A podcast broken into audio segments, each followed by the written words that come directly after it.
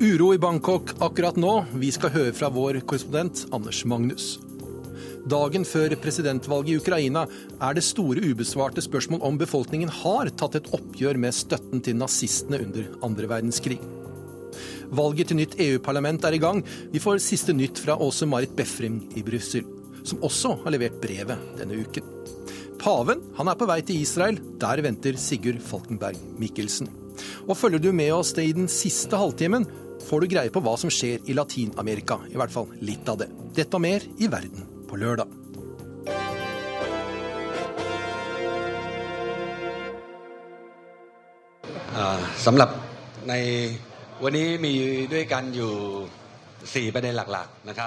Vi hører talsmannen til det nye militærregimet i Thailand snakke i natt. Han forteller bl.a. at en ny gruppe borgere er bedt om å melde seg, blant dem en rekke ledende akademikere. Det kan virke som kuppmakerne strammer grepet, og det virker som motstanden ikke er stor. Korrespondent Anders Magnus, du er i Bangkok nå. og Får Forsvaret kjøre sitt løp eh, uhindret? Nei, det er en uh, gruppe på noen hundre mennesker som kommer marsjerende i gaten. Det er en ulovlig demonstrasjon. Og her jeg står nå, så, så er det uh, eh, 100 meter foran meg opprørssoldater og politi som sperrer hele gaten mens mengden går uh, modig rett forover. De har forsøkt å stanse dem tidligere i dag, men det gikk ikke. Så det er jo veldig spennende å se hva som kommer til å skje nå. Har det vært ublodig til nå? Ja, det var en eh, demonstrasjon i går hvor det var veldig spent. og Soldatene tok ladegrep, men det endte ikke med noen eh, konfrontasjon. Annet enn at en del av demonstrantene ble arrestert. Hva sier Tainen du snakker med om eh, dette militærkuppet? Altså, de fleste her i Bangkok er jo for kuppet. For det er jo de som er, var i opposisjon, som ville ha statsminister Ingrid Shinawat fjernet. Nå eh, har de fått eh, sitt ønske oppfylt. Men det er jo også svært mange både her i Bangkok, men fremfor alt eh, andre deler av landet som er sterkt imot dette kuppet og vil ha statsministeren tilbake igjen. Er det en forskjell på oppfatningen i byene, Bangkok som du sa, og oppfatningen i landsbygden? Ja, absolutt. Det er, på landsbygda så er det mye større støtte til den avsatte regjeringen. Nå kommer nå kommer eh, demonstrantene helt inn mot eh, politiet her. Så får vi se hva som skjer. Politiet står i rekker her. Først er det politi, og så er det opprørssoldater rett bak dem. Foreløpig stanser demonstrantene. Det blir en standoff her i gaten.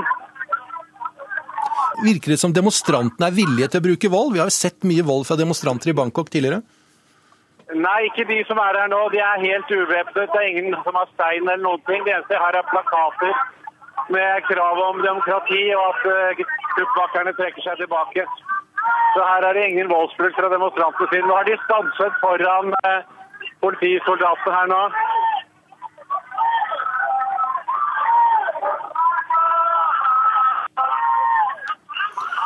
Det høres ut som de bare synger. Dette er jo landets tolvte Ja, nå er det sang. Det er fredelig sang. De står stille. Og verdenspressen er her, så politiet står helt stille, de også. Det er ingen som gjør forsøk på å komme tett opptil hverandre ennå. Anders Magnus, dette er jo, det du ser nå er jo landets tolvte militærkupp. Og ut fra historien, hva kan vi forvente vil skje nå videre? Jeg tror det er at militæret kommer til å holde på makten i hvert fall ett år, kanskje to år. De kommer til å revidere den grunnloven de selv har laget for en stund siden. Og så kommer de til å innsette en ikke-valgt regjering som skal gjennomføre nyvalg. Men hvis det blir skikkelig nyvalg, så kommer de som nå er mot kuppet til å vinne. De har vunnet hvert eneste valg de siste 20 årene. Anders Magnus eh, i Bangkok, takk for denne rapporten. Og det som skjer rundt deg nå, det får vi se i din reportasje i Dagsrevyen senere i dag. Og så skal vi til eh, Ukraina. Foran morgendagens presidentvalg i Ukraina holder Kreml fast ved sin retorikk om at de nye myndighetene i Kiev er fascister. Holder så ytre høyre i ukrainsk politikk sin sti ren når det gjelder medløperiet med nazismen under andre verdenskrig, og behovet for å erkjenne dette i dag? Vi skal til Babi Jar i Kiev, hvor SS myrdet 55 000 Kiev-jøder for 70 år siden, mens ukrainerne sto og så på og delvis applauderte. Vi befinner oss i Babiar, et vakkert parkområde nordvest i Kiev, med dype grønne slukter og et kolossalt monument. Og på dette monumentet ser vi undertrykte mennesker som prøver å løfte opp sine barn. Her ble 55 000 Kiev-jøder myrdet i 1941 av Waffen-SS, mens vanlige folk i Kiev Kiev sto og så på og til dels applauderte.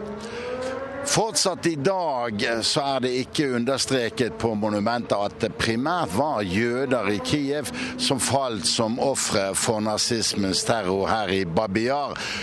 Fra 1941 til 1943 ble i alt 100 000 drept, mer enn halvparten var altså jøder.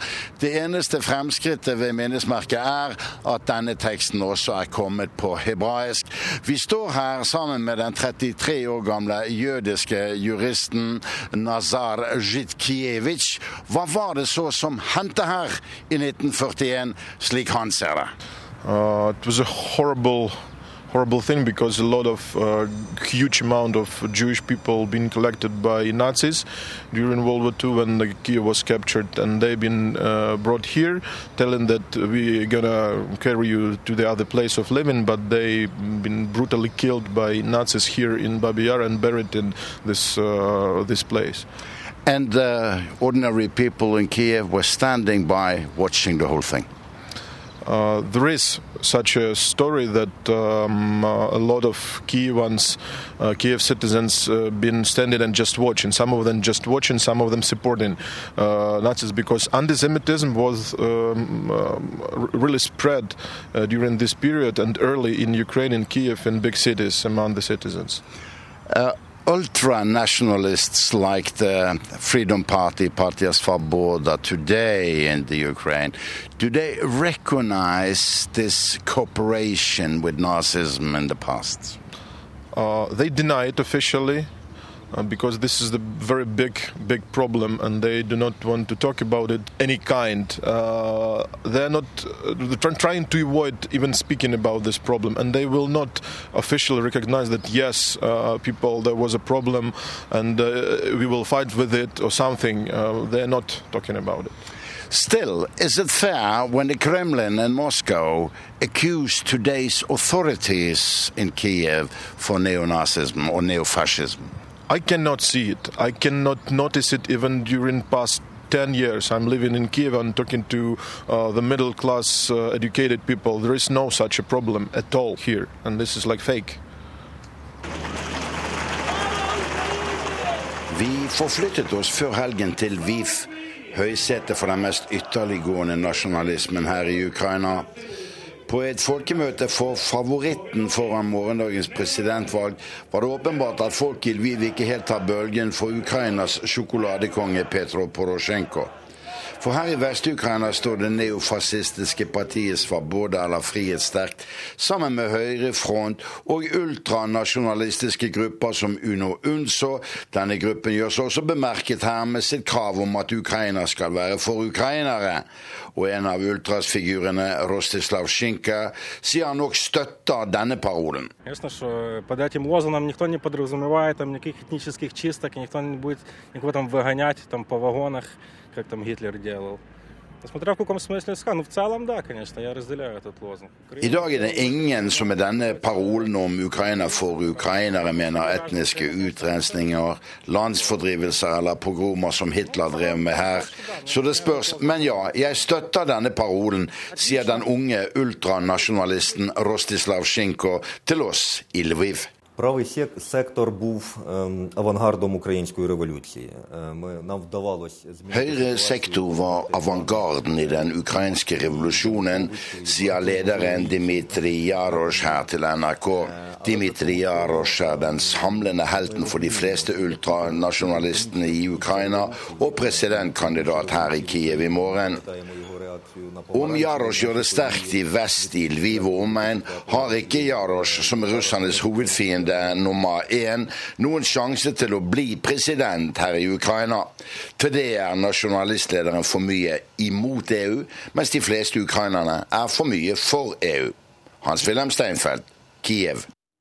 Og eh, Russlands korrespondent Hans-Wilhelm Steinfeld, du er med oss eh, nå. Du er fortsatt i Kiev. Hvorfor er det oligarken Petro Porosjenko som ligger så godt an på meningsmålingene?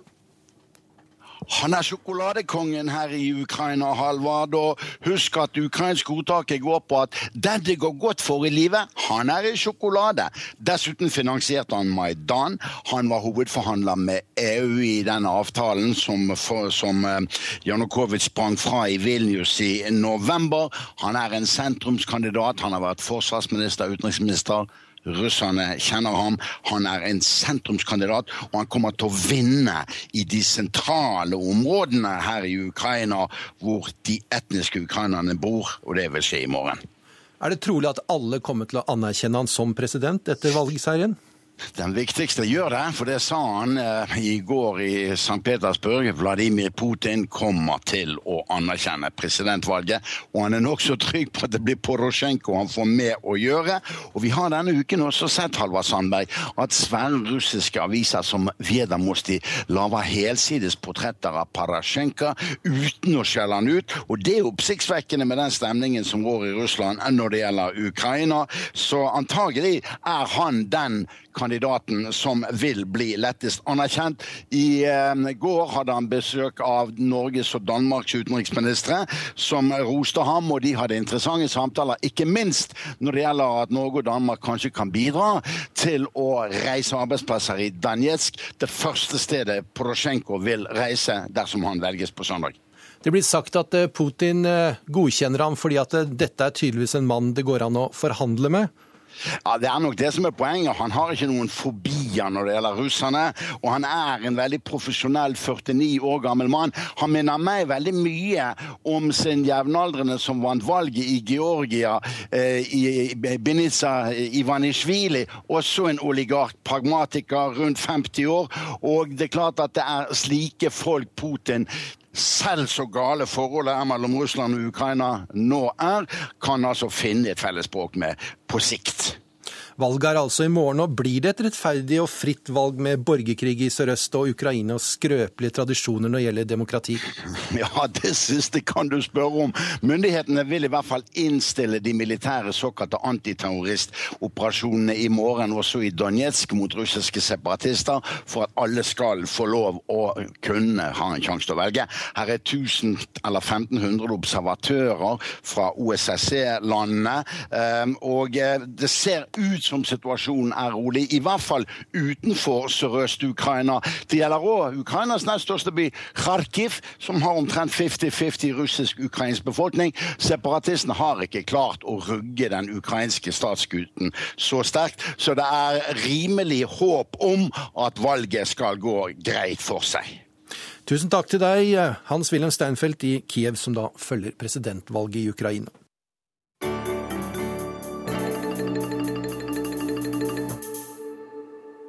Valget til EU-parlament er i gang. De aller fleste stemmer i morgen, men det er noen land som har sneket i køen, bl.a. Storbritannia, Irland og Nederland. Og Korrespondent Åse Marit Befring, du følger valget fra Brussel. Og har vi fått noen indikasjoner på hvordan det kommer til å gå? Ja, er, Vi har fått veldig sprikende indikasjoner, for å si det sånn. fordi at uh, Valgdagsmålingen i Nederland den viste at uh, ytterliggående Frihetspartiet til Gert Wilters uh, kom på tredjeplass uh, i landet. Det lå an til å bli det største partiet Nederland skulle sende til EU-parlamentet, men gjorde det langt dårligere enn ventet. Eh, slik det ser ut ifølge valgdagsmålingen, skal man tro den, så vil det miste ett sete og gå fra tre til to seter i EU-parlamentet. Men det britiske UKIP det gjorde jo samtidig et brakvalg og eh, ser ut til å ha blitt det største britene sender. Slik at eh, politiske analytikere her de mener fortsatt at man vil, se en polarisering der, der velgerne vil gå enten til ytterste høyre eller venstre i dette valget. Ja, Det er spådd at dette valget vil åpne dørene på vidt gap for EU-skeptikerne. Hva kan det bety for parlamentets muligheter til å få gjort noe? Ja, Det man frykter, er at det, det kan bli vanskeligere å få gjennomslag fra, for saker. At, det, at, partiene vil trenere prosesser eh, slik at eh, voteringene tar lengre tid. Eh, og, altså At den politiske kverna rett og slett begynner å jobbe langsommere. Men fortsatt så er det slik at det er de tradisjonelle partiene som er størst. Eh, Sentrum-Høyre-alliansen med Jean-Claude Juncker i spissen og Sosialdemokratene med Martin Schulz i, i, spissen. De får rundt 400 av eh, de 751 setene. Men eh, de må nok smøre seg med mer tålmodighet i det neste EU-parlamentet. Du har nettopp vært i Hellas, hvor du bl.a. snakket om Europa og fremtiden. Hva mente de der om dette valget? Ja, grekere, de, Over 50% av grekerne kommer til å delta i valget, gå til valgurnen i morgen. De som jeg snakket med der, de sa at eh, det var viktig å stemme nå, fordi at de eh, ønsker å vise politikerne sine hva de mener om dem.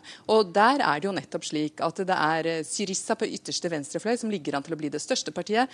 Også Gyllent Dagry, det nynazistiske Gyllent Dagry, ser ut til å gjøre et bra valg, til tross for at flere av partiledelsen sitter i fengsel. Og en økonom jeg har snakket med, Elena Panaritis sier at eh, det ikke er fordi at folk er enige med hva de sier, men fordi folk straffer politikerne i landet for det de har gjort mot dem. People feel very upset about what has happened. They are blaming, of course, all political parties, regardless of the left or the right or the center. There are no ideologies behind. People vote in order to blame these cast of political people that they feel, the citizens feel, they have received all the negative management of the previous years. And they have been very responsible with their own private financing. It's not like Ireland where we had deficit in our private income balance sheet. The situation in Greece was complete bad government management. So government is being represented by political parties, so political parties will be blamed. These elections will be very fragmented.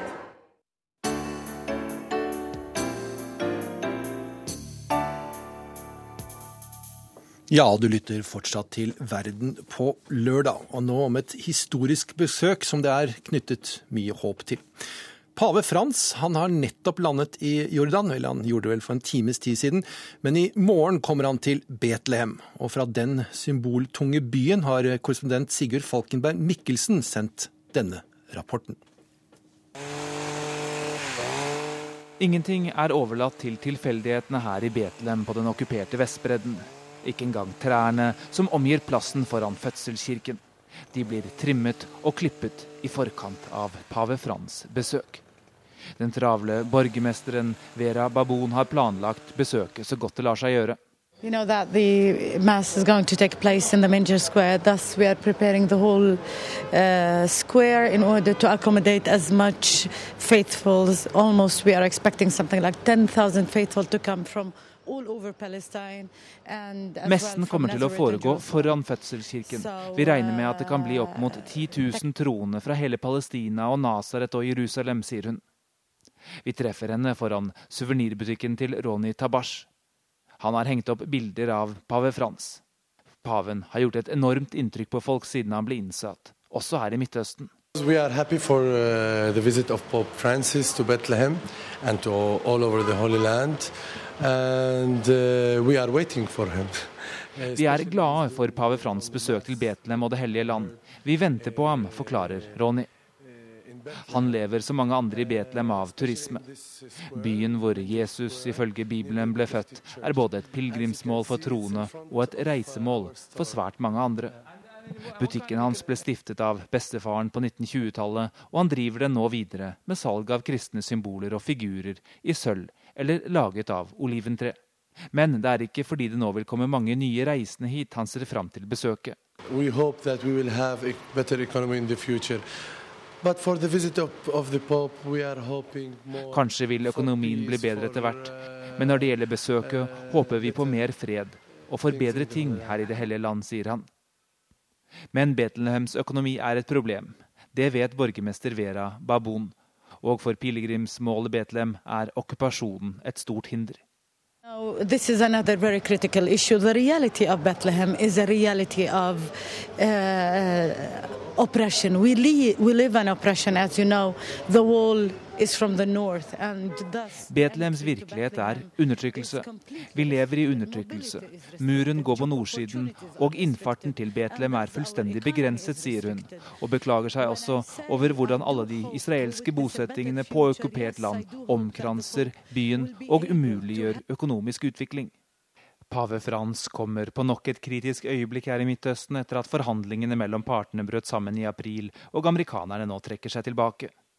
Mange kristne er bekymret og forlater området, og velger heller å bygge livene sine i Europa, USA eller Canada.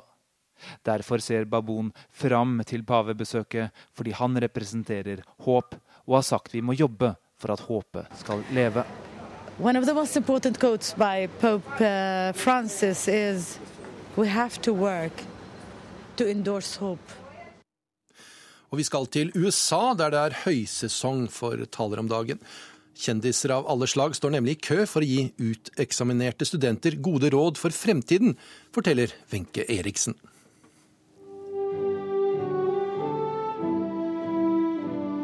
Unge voksne i svart kappe og med firkant på hodet marsjerer de i prosesjon til Pomp and Circumstance.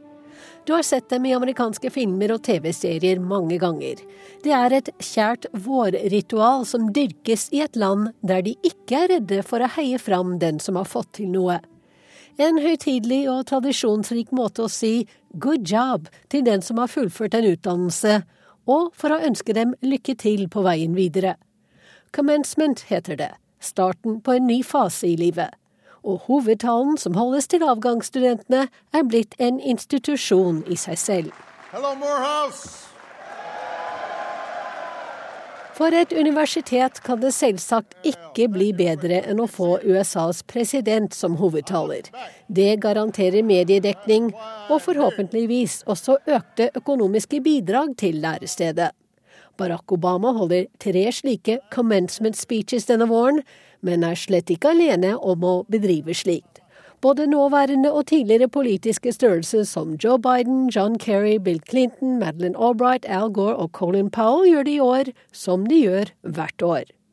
Og det er ikke bare politikere som benytter anledningen til å framstå som vise menn og kvinner som kan øse av sin livserfaring. Kjendiser fra underholdning og sport er minst like ettertraktet, og sannsynligvis morsommere også. I'm impressed that your achievements have attracted so much media attention. På Wake Forest-universitetet i Nord-Carolina lo de også av den nylig avsatte redaktøren i The New York Times. Jill Abramson fikk brått sparken fra landets mest prestisjetunge avis, og hadde ikke vist seg offentlig før hun skulle holde talen til avgangsklassen noen dager senere. Hittil i år er det denne talen som har fått mest medieoppmerksomhet. Budskapet var reis deg opp igjen etter motgang og vis hva du er god for.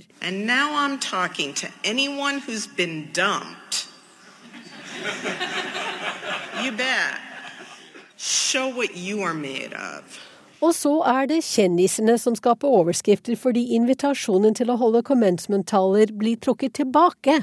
I år er det tidligere utenriksminister Condoleezza Rice som er blant de uninvited, de uinviterte, på grunn av sin rolle under Irak-krigen.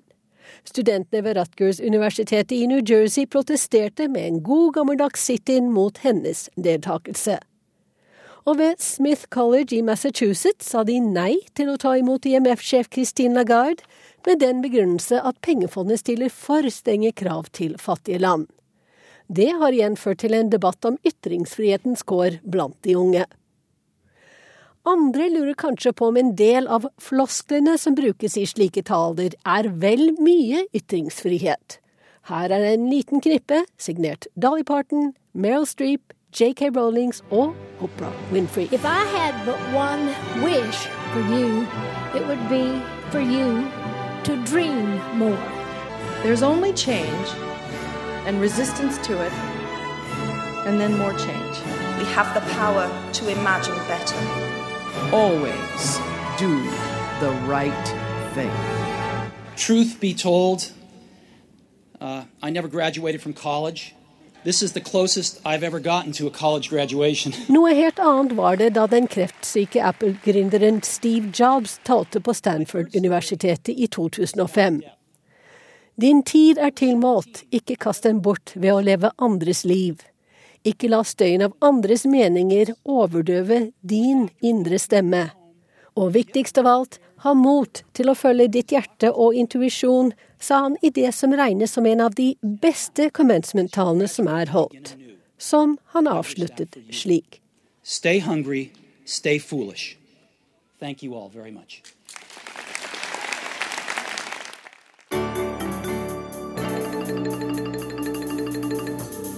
Klokken er 11.28, og du lytter til Verden på lørdag. Følger du med oss videre, så er du med på et lite dypdykk i Latin-Amerika. Anders Tvegård har møtt Uruguays president i en heis. Colombia står foran et skjebnevalg. Kanskje er det fotballfeber i Brasil, men det er VM-motstanderne som nå lager mest bråk. Og bråk lager ikke Brasils gamle krigshelter, som nå til slutt har fått kompensasjon. Dette og brevet innen noen korte minutter.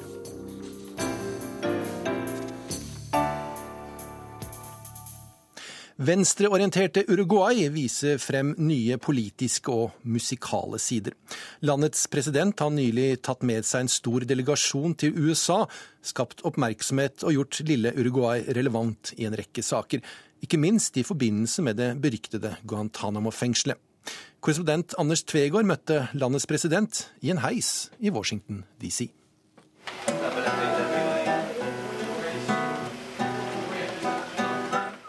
I et kjellerlokale i Washingtons utelivsområde U Street Corridor sitter en mann og spiller gitar mens han blir sminket. Det ryker fra koppen med jerba-mate, den tradisjonsrike tedrikken fra Uruguay som skal tilføre kroppen litt mer energi. Han og de 15 andre i gruppa Agarate Catalina har nettopp kommet fra flyplassen. Bagasjelappene hviler mot betonggulvet, mens koffertene tømmes for kostymer, stemmene varmes opp og lyden sjekkes.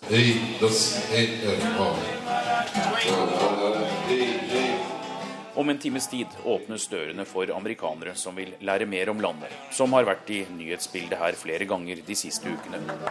Hjemme i Uruguay er Murgaen kjent for politisk satire og en presidentsanksjonert forestilling som gjennom opera og karneval bringer det lille søramerikanske landets kultur og historie litt nærmere. Que, que mi país está eh, avanzando eh. Jeg føler at landet mitt gjør positive framskritt med framtidsrettede tiltak, sier Morgaens leder Jamando Cardoso. Han sikter til kampen mot narkohandel, legaliseringen av marihuana, velsignelsen av likekjønnet ekteskap og Sør-Amerikas mest liberale abortlover. Nå blir Uruguay også det første søramerikanske landet som tar imot fanger fra USAs utskjelte Guantánamo-base. Den beslutningen har kanskje noe med fortida til vår president Pepe å gjøre, sier Cardoso.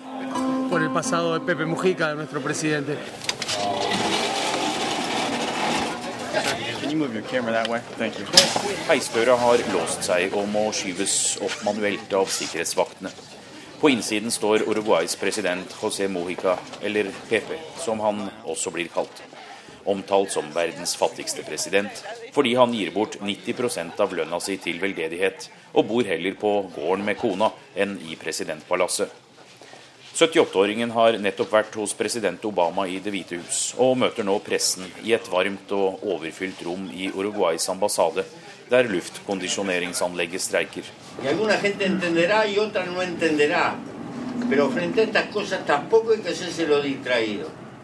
Mange vil nok ikke forstå det, sier president Moica, mens han lener seg tilbake på stolen. Uruguay har en tradisjon for å gi politisk asyl, ta imot flyktninger, fortsetter han på spørsmålet fra NRK om hvorfor han vil hjelpe USA med å få ned fangetallet på Guantánamo. Guantánamo. Uh,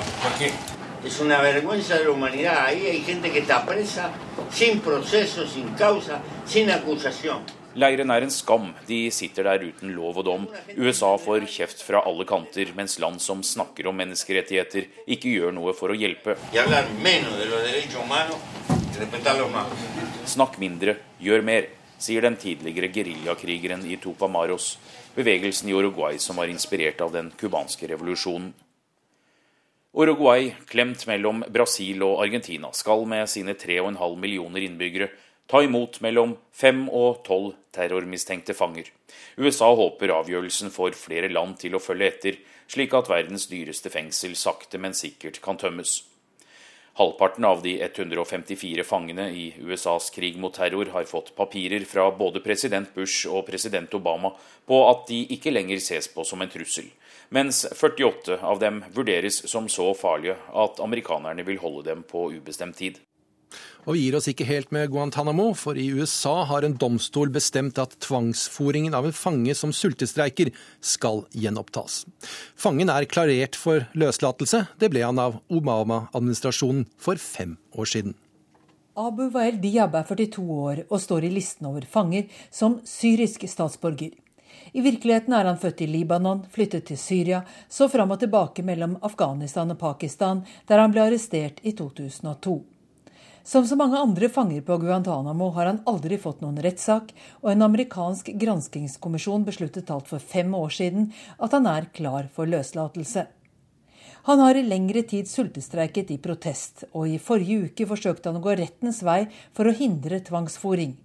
Svaret kom raskt. Dommer Gladys Kessler mener det samme som USAs forsvarsdepartement, nemlig at tvangsfòring er nødvendig for å hindre at han dør.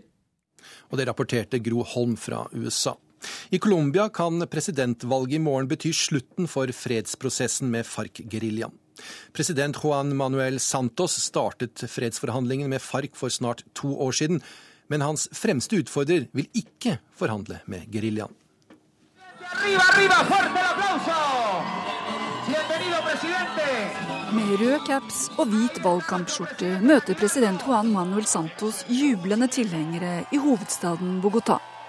Det er siste innspurt før valget på søndag, og Santos ber velgerne innstendig om å gi ham én periode til i presidentstolen. Este es mi último discurso, mi última presentación en esta campaña ante ustedes. Y lo único que les digo es dette er min siste tale i valgkampen, og alt jeg vil si er hjelp meg. Hjelp meg å få fred i dette landet, sier en glødende Santos.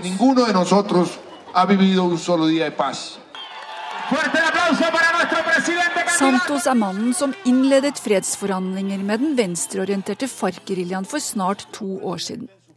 I 50 år har geriljaen vært i krig med myndighetene i landet. Mer enn fire millioner mennesker har måttet flykte fra sine hjem, og over 200 000 er døde. Mange har også måttet flykte eller har blitt drept av de paramilitære gruppene, som ble opprettet av landeierne for å beskytte dem mot geriljaen. Nå går Santos til valg som president for annen gang, og budskapet er at velgerne nå kan velge mellom krig eller fred. Motkandidaten Oscar Ivan Soluaga mener det er feil å forhandle med geriljaen. Han er støttespiller for den tidligere presidenten Alvaro Uribe. Santos og Zuluaga ligger omtrent jevnt på meningsmålingene få dager før valget. Yo me el 7 de agosto. Ese día, ese día. Når jeg inntar presidentkontoret 7.8, vil jeg erklære en midlertidig stopp i samtalene med FARC-terroristene, og gi dem åtte dager til å bestemme seg. Hvis de vil ha en forhandlet fredsløsning, må de stoppe all kriminell aktivitet mot gode colombianere.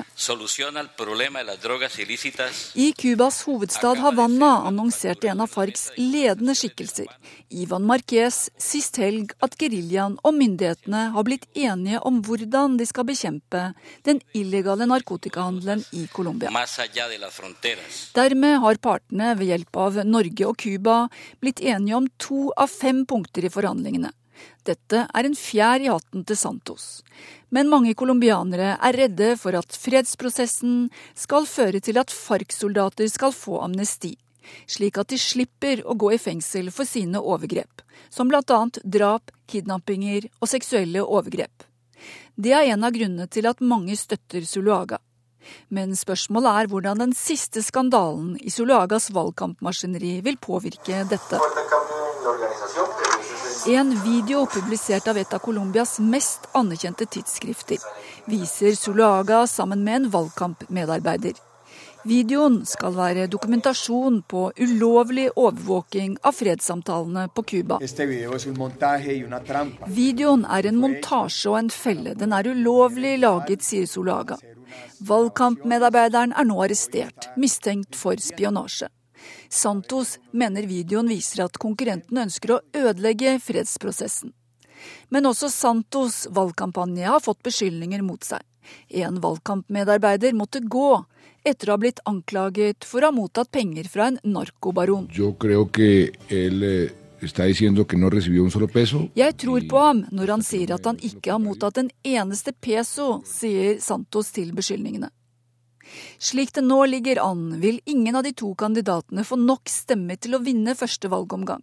Så trolig blir presidentvalget i Colombia, som altså kan bety slutten for fredsprosessen med FARC-geriljaen, bli avgjort først ved neste valgomgang i juni.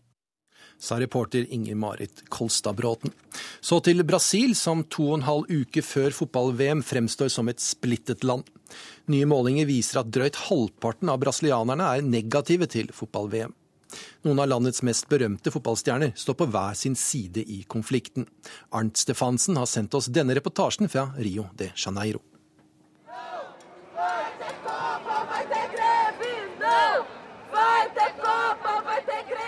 Det blir ikke noe VM, det blir streik, roper et tusentall demonstranter i sentrum av Rio de Janeiro.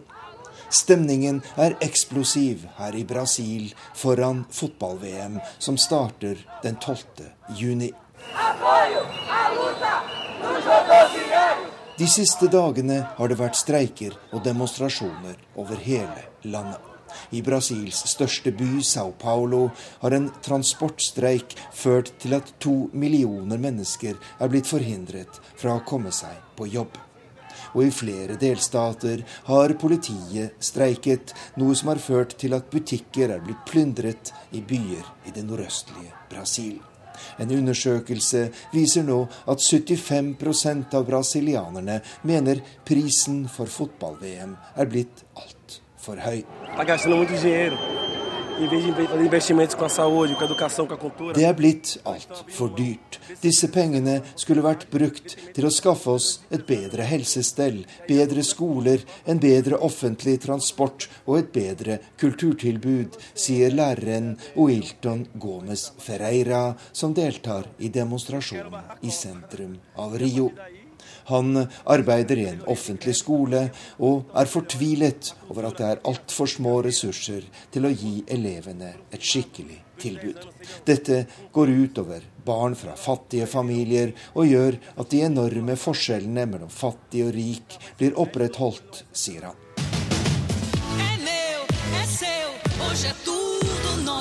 Quando eu chamo o mundo inteiro pra jogar é pra mostrar que eu posso.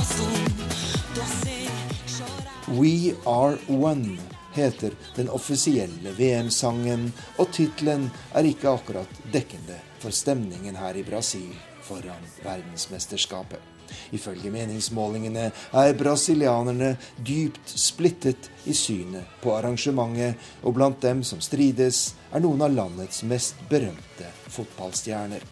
Tidligere verdensmester Romario har markert seg som den mest prominente kritikeren av VM. Det som opprører meg mest, er utgiftene til stadionanlegg, som er unødvendige og absurd. Vi snakker om skattebetalernes penger, og vi snakker om milliarder av kroner i utgifter på kjempeanlegg som vil bli svært dårlig utnyttet etter VM. Tre av VM-byene, Brasilia, Manaus og Cuiabá, har ingen lag i de øverste divisjonene, og det kommer vanligvis bare et par tusen tilskuere på kampene der, sier Romario.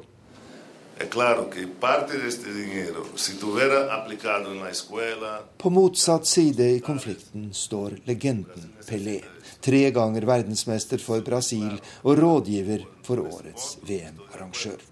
Han er også kritisk til pengebruken, og mener korrupte politikere, fotballfunksjonærer og entreprenører har beriket seg på arrangementet. Men han mener at streikene og protestene som nå pågår, kan gjøre ubotelig skade for landet, og ber kritikerne om å besinne seg. Já temos conhecimento que 25% de vi har informasjoner som går ut på at 25% av utlendingene som har planlagt å komme til VM, nå vurderer å avbestille og bli hjemme. Dette er svært alvorlig for Brasil, og jeg mener at de som nå protesterer, burde ha gått ut i gatene for flere år siden. Nå er det for sent, og det eneste de oppnår, er å skape kaos og dårlig omdømme for landet. På den måten setter de hele VM-festen i fare, sier Pelé, som har fått hard kritikk for sine synspunkter. Det går et tog av sinte brasilianere gjennom president Vargas-avenyen i sentrum av Rio de Janeiro.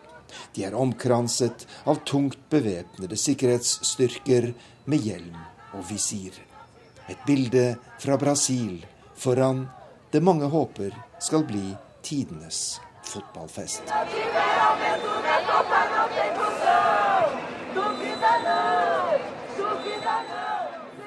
Og vi forlater ikke Brasil, for i sluttspurten før verdensmesterskapet har myndighetene ryddet opp i noe som har vært feid under teppet i mange tiår. Tidligere denne måneden fikk 6000 såkalte gummisoldater lønn som takk for innsats, tort og svie i Amazonas under andre verdenskrig. Joar Hoel Larsen har mer om de 55 000 brasilianerne som tjenestegjorde så langt fra de militære frontene den gang, men allikevel ga sine liv i kamp mot nazisme og fascisme. During World War II, when the United States was in desperate need of rubber, the Brazilian and US governments sent 55,000 men into the Amazon jungle to extract latex. Dette er en lite kjent, men ikke desto mindre fantastisk historie om hvordan den japanske okkupasjonen av Malaysia og Indonesia vinteren 1942 endret livene til og fikk katastrofale konsekvenser for titusenvis av fattige brasilianere. Storpolitikk på den ene siden av kloden grep direkte inn i hverdagen og fremtiden til intetanende sivilister og vanlige folk 15 000 km unna.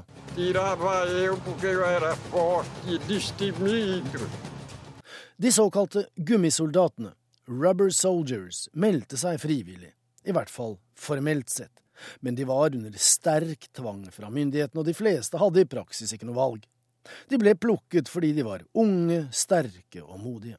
Det fantes eventyrlystne lykkejegere blant dem, mens andre så det som sin plikt å stille opp for landet, i fredens og frihetens tjeneste, selv om det var fremmedord for mange fattige brasilianere på 40-tallet. Aktivisten og artisten Eva Neide har laget en film om disse glemte heltene, ikke minst fordi det er historien om blant andre hennes far. I am the daughter of a rubber soldier. And this is the story of the forgotten army. Den japanske fremrykningen i Asia førte til gummikrise blant de allierte. USA og Storbritannia trengte enormt med gummi til dekk både for jipper og lastebiler, så vel som til fly. Men også til belter for stridsvogner, flytende broer, gassmasker, kabler, gummisåler på sko og støvler osv. I tillegg kom selvfølgelig millioner av siviles behov og konsum. Så allerede i 1938 hadde USA tatt høyde for at det kunne bli krig, og at Amerika muligens ville bli involvert. Så amerikanerne begynte å hamstre lateks, basisstoffet for naturgummi, uten at det monnet all verden. Så da Malaysia og Indonesia ble okkupert, tørket leveransene inn, og noe måtte gjøres.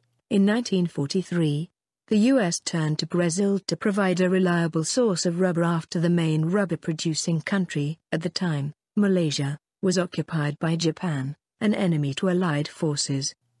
Gummiplanten kom opprinnelig fra den brasilianske regnskogen og var grunnlaget for annet byen Manaus' fremvekst. Amazonas var sentrum for en gummiboom av en annen verden for ca. 130 år siden. Og selv om luften gikk ut av gummiballongen, Da frø og gummiplanter ble smuglet ut og plantet i Asia, så etablerte Henry Ford byen Fordlandia midt inne i Brasils regnskog i 1928, med tanke på sine mange bilmodellers enorme behov for gummi. Fordlandia ble planlagt, tegnet og bygget som et moderne amerikansk suburbia av amerikanere for amerikanere. I just remember walking through the, the woods, the streets. It was peaceful, quiet. It was a beautiful place. Uh, I have pleasant memories of people that uh, I missed it for many, many years. At president Roosevelt henvendte seg til Brasil, var derfor ikke så overraskende. Og selv den tyskvennlige diktatoren Chetolio Vargas kunne ikke si nei til mer enn 100 millioner dollar i billige lån, samt betydelig militær og økonomisk bistand. Motytelsen var at Brasil skulle gjenoppta produksjonen og levere så mye gummi de kunne til de allierte. The rubber soldiers were able to increase latex production by 10,000 tons a year and help the Allies gain the upper hand over the Axis powers.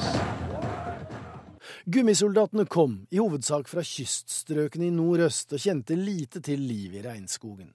De levde som soldater, i kaserner med streng disiplin og militære kommandolinjer. De var aldri i kamp, men dagene var lange og tjenesten brutal. Maten og vannet var dårlig, de manglet medisiner, og man regner med at en drøy halvpart, nærmere 30 000 rubber soldiers, døde. Malaria og gulfeber. Mange døde av slangebitt, noen ble spist av jaguarer og krokodiller, mens andre igjen ble drept av regnskogens urinnvånere. Tilværelsen var uutholdelig og løftebruddene utilgivelige. Da krigen var over, fikk de overlevende ikke utbetalt den lønnen og den pensjonen de hadde krav på. De fikk ikke fri reise hjem, og heller ikke den boligen de var blitt lovet. Gummisoldatene ble etterlatt, avvist og glemt i det grønne helvete. After serving their country and the world, they were left to perish in a green Hill. Beretningen om skjebnen til The Rubber Soldiers er bare trist. Behandlingen av gummisoldatene etter krigen tjener Brasil og USA lite til ære. Oppreisningen kom for sent for de fleste, og den er ikke all verden. Men om den kom sent, kanskje kom den offentlige anerkjennelsen godt for noen. I dag omtales de som helter, men det er en heltestatus uten glorie, velfortjent, men dyrekjøpt.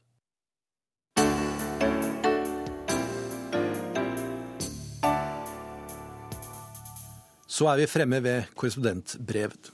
Åse Marit Befring har besøkt gamle europeiske slagmarker, og det har gitt henne noen tanker om EU. Det var det endelige slaget. Kulene dundret ut av 700 kanoner, soldater dannet formasjoner, der de forreste rekkene fungerte som skjold.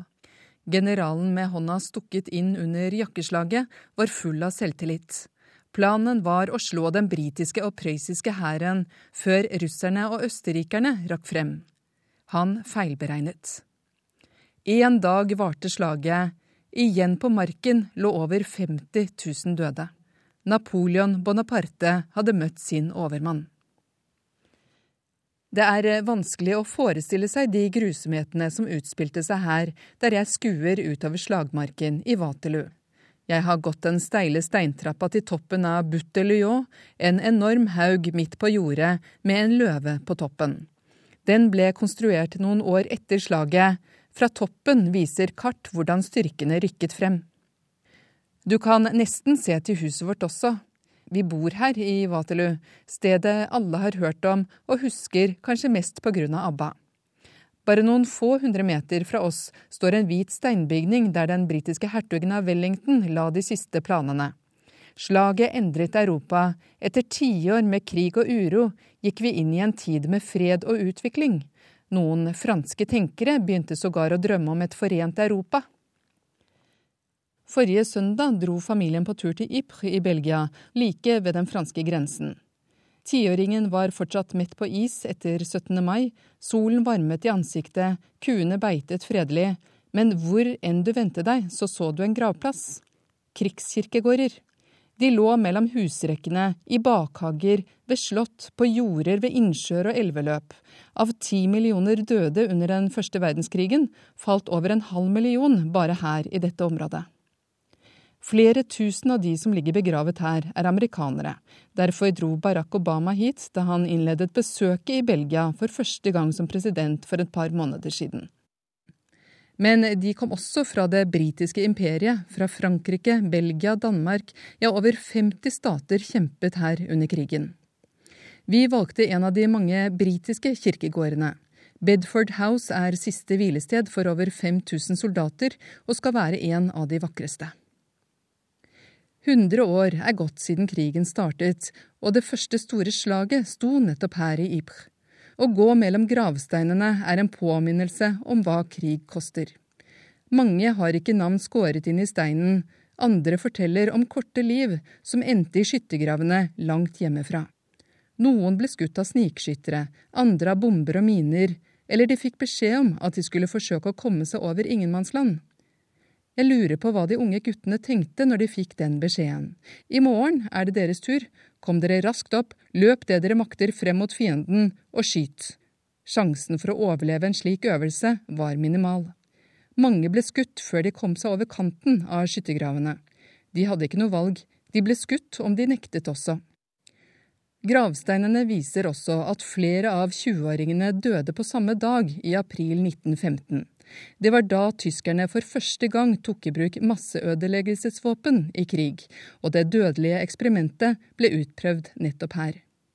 Kloringass i bomber ble sluppet over området fra fly og tok livet av tusener. Det sprengte også grensen for hva som var tillatt i krig. Siden skulle sennepsgass bli tatt i bruk for å kvele enda flere. Fortsatt klippes buskene i formasjon som om bomber eksploderer og sender ut gass, på kirkegårder i Ypres. Så hvorfor gjør jeg meg disse tankene om krig akkurat nå? Fordi fra torsdag denne uka og gjennom hele helga står det avgjørende slaget i Europa igjen etter flere ukers kamper. Millioner av europeere er med, men denne gangen har de blitt utstyrt med et langt fredeligere våpen, stemmeseddelen. Problemet er bare det at mange ikke tror at våpenet har noe krutt. Selv om rundt 400 millioner europeere har stemmerett, så ligger det ikke an til at så mange bruker den. Skal vi tro meningsmålingene, vil under halvparten gå til valglokalene. I stormakten Frankrike f.eks. sier over 60% at de ikke vil stemme. De har mistet troen på fredsprisvinneren. Da EU ble tildelt fredsprisen for halvannet år siden, var den omstridt. Men begrunnelsen til Nobelkomiteen var at forløperen til EU, kull- og stålunionen, bandt Tyskland og Frankrike sammen i en gjensidig avhengighet. Ved å innlemme stadig nye land med krav om demokrati og forsoning, har unionen vært en garantist for fred de siste tiårene. I hvert fall for dem som er innenfor. Men selv om det er fred mellom de 28 EU-landene, føler mange at de lever på en økonomisk ruin. De er blitt kastet ut i en utrygg tilværelse med arbeidsledighet og fattigdom, ofret for en innsparingspolitikk der EU har vært styrende aktør. Vanlige folk har vært utsatt for en krigføring med politiske midler. Det har gitt grobunn for ytterliggående partier. Mange som nå er på vei inn i parlamentet, ønsker ikke annet enn å rive landet løs fra EU. Et godt eksempel på det er Marine Le Pen og hennes Nasjonal Front, som ligger an til å få flest stemmer i morgen i hjemlandet, og dermed bli Frankrikes største parti i EU-parlamentet. Deres mål er at Frankrike igjen skal bli en selvstendig stormakt utenfor EU. Kontrasten er stor til Ukraina. Der vil overgangsregjeringen ikke noe annet enn å få landet inn i EU. I morgen går ukrainere også til valg. Jeg har ikke tallet på hvor mange møter jeg har dekket denne våren som handler om EU og Ukraina. Det jeg vet, er at overgangsregjeringen har sagt at de vil strekke seg langt for å knytte tettere bånd til EU. EU er for dem en garanti mot ikke å bli slukt av Russland. Politikere her i EU-valgkampen har også brukt Ukraina som et eksempel på hva det betyr å stå alene. Se på Ukraina og hvordan et sterkt land som Russland forsøker å styre hva et svakt land skal gjøre, sa Martin Schulz på en pressekonferanse jeg dekket. I EU er vi 28 små og store land som forhandler på lik linje over bordet. Det er ingen som bestemmer mer enn andre, mente han. Som tysker er han lei av at alle mener Angela Merkel er den som har siste ordet. Han har jo for så vidt rett i det. Mens oppslutningen om valget daler, så får EU-parlamentet stadig mer makt. En politiker der har større innflytelse på Europas lover og regler enn en på Borgen i Danmark eller Bundesdagen i Berlin f.eks. Men de har ikke klart å overbevise at de fortjener denne makten, og at våpenet de bruker vil få slutt på krisen. Unge mennesker har fått knust sin fremtidstro. De er den tapte generasjonen. Også etter første verdenskrig kalte man de unge menneskene den tapte generasjonen. De hadde mistet alle illusjoner og troen på fremtiden. Ypres lå i ruiner, også sivilbefolkningen der hadde blitt ofret sammen med over en halv million soldater. Ingen tidsvitner vil være til stede når de falne skal minnes, annet legger EU sitt toppmøte i slutten av juni dit. Selv om det er gått lang tid, krevde krigen et nytt offer for noen måneder siden. En bonde var ute på åkeren da eksplosiver ble utløst. Ennå kommer udetonerte bomber opp til overflaten. Om en uke vil tidsvitner komme på en annen markering. Det er 70 år siden soldater ble satt i land i Normandie, et vendepunkt i den andre verdenskrig. Og her jeg sitter og skriver, i Waterloo, forberedes et nytt slag. Men ingen døde kommer til å ligge igjen på marken. Det er ikke EU-valget jeg tenker på. Neste år er det 200 år siden Napoleon ble slått. Da skal flere tusen statister, hester og kanoner gjenskape det som skjedde. Det gleder vi oss til å få oppleve. Det ryktes til og med om at ABBA skal gjenforenes for anledningen. Ja, Verden på lørdag er over for denne gangen. Du hørte brevet til Åse-Marit Befring, noe som også kan høre og lese på nettet, og du kan også få høre det senere i kortform. Teknisk ansvarlig denne gangen var Finn Lie, skript var Tove Nilsen Søtorp. I studio Halvard Sandberg. På gjenhør.